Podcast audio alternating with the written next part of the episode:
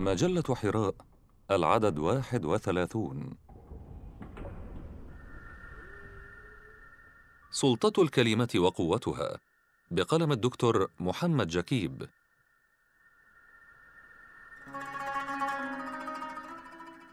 الكلمة سلطة وقوة الكلمة فعل ومفعول أثر وتأثير.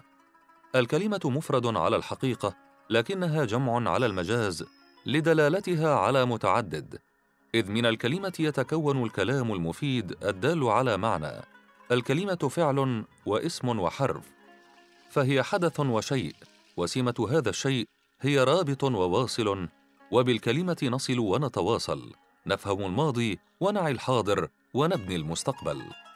عالم الكلام عالم عجيب متى أعطي الإنسان زمامه وتحصل ناصيته؟ وانكشفت له أسراره ومسالك تصريفه وصياغته. فتح القلوب وشد العقول واكتسح الأرواح. الكلمة مفتاح أسرار الوجود. الكلمة قوة خارقة بمفعولها خلق الله الوجود كله بل هو يعيد جل وعلا الخلق في كل وقت وحين. فكن التي خلق بها الله تبارك وتعالى كل شيء كانت مرة واحدة لكنها ما تزال سارية المفعول إلى ما شاء الله. وبالكلمة والكلام قدر الله تعالى على الإنسان التفاعل مع الوجود ومعانقة حقيقة الخالق ومخلوقاته. وكلمة اقرأ هي أول ما لقنه جبريل عليه السلام بأمر الله تبارك وتعالى الرسول صلى الله عليه وسلم. ففعل القراءة كلمة لكنها كلمة ذات امتداد واسع في الزمان والمكان وفي الدلالة والمدلول. فقد قرأ الرسول صلى الله عليه وسلم بعد هذا الأمر كل شيء واستوعب بعد القراءة ومفهومها. لقد قرأ الوجود وأدرك حقيقته واستوعب دلالته كما استوعب كل الأنبياء والرسل ذلك قبله. لكنه حصل صلى الله عليه وسلم على كل ما استوعبوه ووعته أرواحهم الصافية النقية. لكن صفاء روح الرسول صلى الله عليه وسلم تتقدم بمسافات عليهم جميعا لأنها المحضن الذي اختاره الله تبارك وتعالى لاستقبال بيانه الختامي وسيرته صلى الله عليه وسلم أكبر دليل على أنه اختير اختيارا من أجل تلقي هذا البيان الذي يمثله خطابه في القرآن الكريم وتشهد عليه تفاصيل الوجود كله. قال الله تبارك وتعالى كن فكان الوجود كله واكتسبت كل المخلوقات بفعل كن بيانا عظيما يجلي عظمة من خلق وعظمة من قال كن فيكون. ولذلك فهذا الوجود الجميل الرائع الصنعة الدقيق الإبداع يعبر ببيانه عن كثير من أسماء الله الحسنى التي تجلى من خلالها على الوجود فبيان الموجودات ومنطقها تعبير عن قوة وعظمة المتجلي بقدرته على الوجود بل هو بيان يعكس جزءا يسيرا من البيان المطلق الذي هو انعكاس أسمائه الحسنى. البيان كما يعرفه الأستاذ فتح الله جولن هو روح كتاب الكون ومضمونه ولونه وأسلوبه وهو قانون المخلوقات المتفاعلة في الكون وهو كذلك ختم الحقيقة الإسلامية وسلطتها. فالبيان بهذا المعنى منهج يدرك به الإنسان باعتباره أرقى مخلوقات الله تبارك وتعالى عظمة مصدر القدرة المطلقة ووسيلة لمعرفة الخالق والسير إليه تعالى. فإدراك البيان في أصله وحقيقته هو إدراك الوجود في كل تفاصيله الكلية والدقيقة وهو الوعي بمكان الإنسان في النظام المتوازن الذي صب الله فيه الوجود. والبيان كذلك قوة كبيرة وسلطة تؤجج القلوب وترفع مستوى قابليتها وقدرتها على الفعل. فقد تكون الهمم حاضرة موجودة لكنها إذا لم تجد الفاعلية التي تحرك كيانها من الجذور فستظل في حالة من الكمون والانتظار الطويل. ولذلك اعتبر البيان محركا فاعلا يبعث الأموات وينفخ الحياة وينشر الدفء. يدرك أهل الإبداع والبيان على الحقيقة لزوما بأنهم مهما وصلوا ومهما ارتقوا في دائرة البيان فهم مجرد دالين يدلون بوسائلهم المحدودة على البيان المطلق ويعبرون بوسائله وأدواته عليه. فهم يعرفونه لغيرهم ممن لم يفتح الله عليهم بإدراك بعض جوانبه. ولهذا كان أهل الفن والأدب وأرباب الكلمة ملزمين بالاسترشاد ببيان صاحب البيان وملزمين بالدلالة عليه والإرشاد إليه. أما غيرهم فهم الغاوون ولا يتبعهم سوى الغاوين.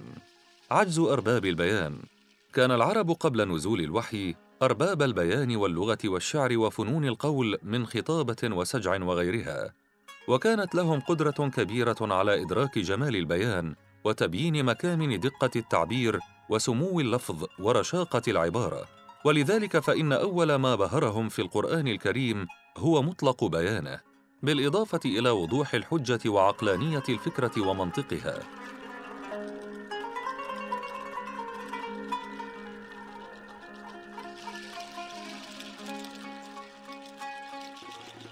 وفي لحظة وجيزة ألفوا أنفسهم أرباب البيان وأهله وأصحاب القول الفصل فيه عاجزين عن منافسته والإتيان بمثله. لقد بهرهم القرآن الكريم ببيانه وتفوق بمسافات لا تحسب على بيانهم. تجاوزهم القرآن الكريم وتركهم خلفه يلهثون. وتجاوز الصورة المثالية التي ظلت دهرا طويلا منقوشة في ذهنهم على أنها النموذج المثالي للقول وقوة العبارة. فاقتنعت العقول بأن مصدر البيان القرآني ليس من بشر يساويهم في القدرة الذهنية والبيانية بل هو من مصدر آخر. وأدرك أهل النفوس الطيبة بأن صاحب البيان الذي وجدوه في خطاب القرآن الكريم ذو قدرة خارقة على البيان وأنه هو الله تبارك وتعالى. كان الناس على عمومهم يعرفون الله لكنهم أشركوا معه آلهة توهموها وأبطلوا مع مرور الزمن ربوبيته لكن خطاب القرآن المبين فتح قلوب العديد منهم فآمنوا وأعلنوا عبوديتهم لله تبارك وتعالى وسلموا بما نزل على محمد صلى الله عليه وسلم. وأما إصرار البعض على إنكار حقيقة البيان الظاهر فلم يكن ليغطي على من آمن بمجرد سماع بضع آيات منه أو سور منه كما وقع مع عمر بن الخطاب رضي الله عنه. وقصة إسلامه مشهورة تذكرها كتب السير والمناقب وكتب النقد. إن رد فعل القلوب والعقول الطيبة المتوازنة العادلة الصادقة هو الاعتراف بأن مصدر البيان القرآني لا يمكن أن يصدر عن بشر، وإن كان هذا البشر يستطيع فهم معانيه وإدراك مراميه، لقد أدرك هؤلاء أنه ليس من محمد صلى الله عليه وسلم. كان العرب قبل نزول القرآن الكريم يفسرون الإبداع والأدبية تفسيرا خاصا فربطوا السجع بالكهنة.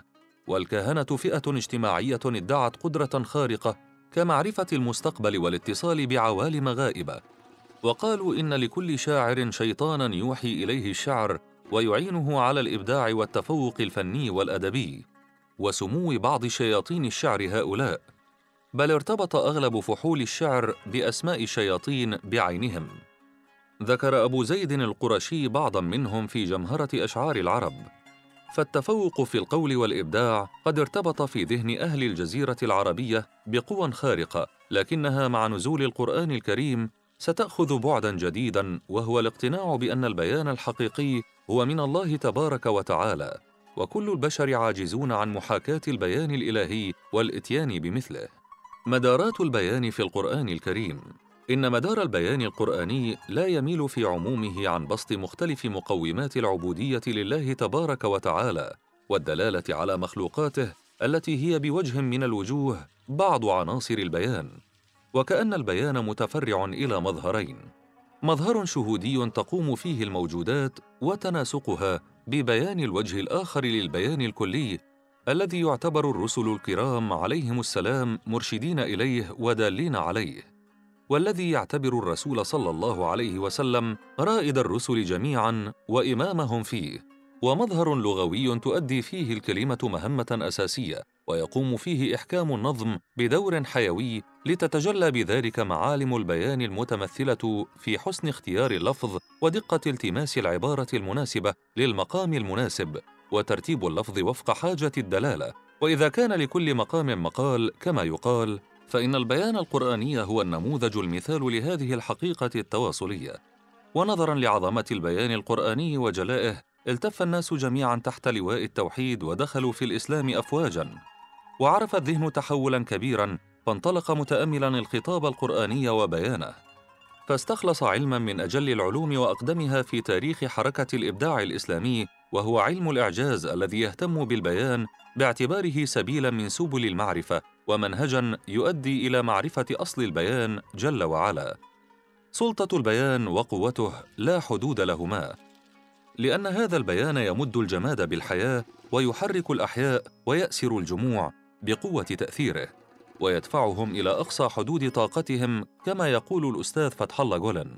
ولنا في التاريخ نماذج خطابية حركت الجموع ودفعتهم إلى أقصى حدود طاقاتهم فهذا طارق بن زياد وقد عابر من إفريقيا في شمال المغرب إلى الضفة الأخرى حيث القارة الأوروبية فاتحا فخطب في من معه بعد أن أقدم على حرق السفن التي عبرت المضيق. خطبة سجلها التاريخ وكتبها النقد والأدب بمداد الفخر باعتبارها خطبة حركت القلوب وشحنت الهمم. لا شك أن الخطبة وكلماتها قد كانت سببا من أسباب زرع التوحيد في هذه المناطق من أرض الله تبارك وتعالى. فقد سخر البيان ليكون قوة تصنع المستحيل وتعرف بالبيان الذي بني الوجود كله على أساسه. فالذي مكن طارق بن زياد وهداه إلى ما هداه إليه هو الروح الصادقة المتفاعلة مع البيان الكلي إذ عبرت من خلاله إلى كل القلوب. ولا ندري من كان يخطب. أطارق بن زياد أم هو صاحب البيان؟ أنطق طارقا. فعبر بالبيان عن البيان وعبر بالبيان إلى القلوب والأرواح.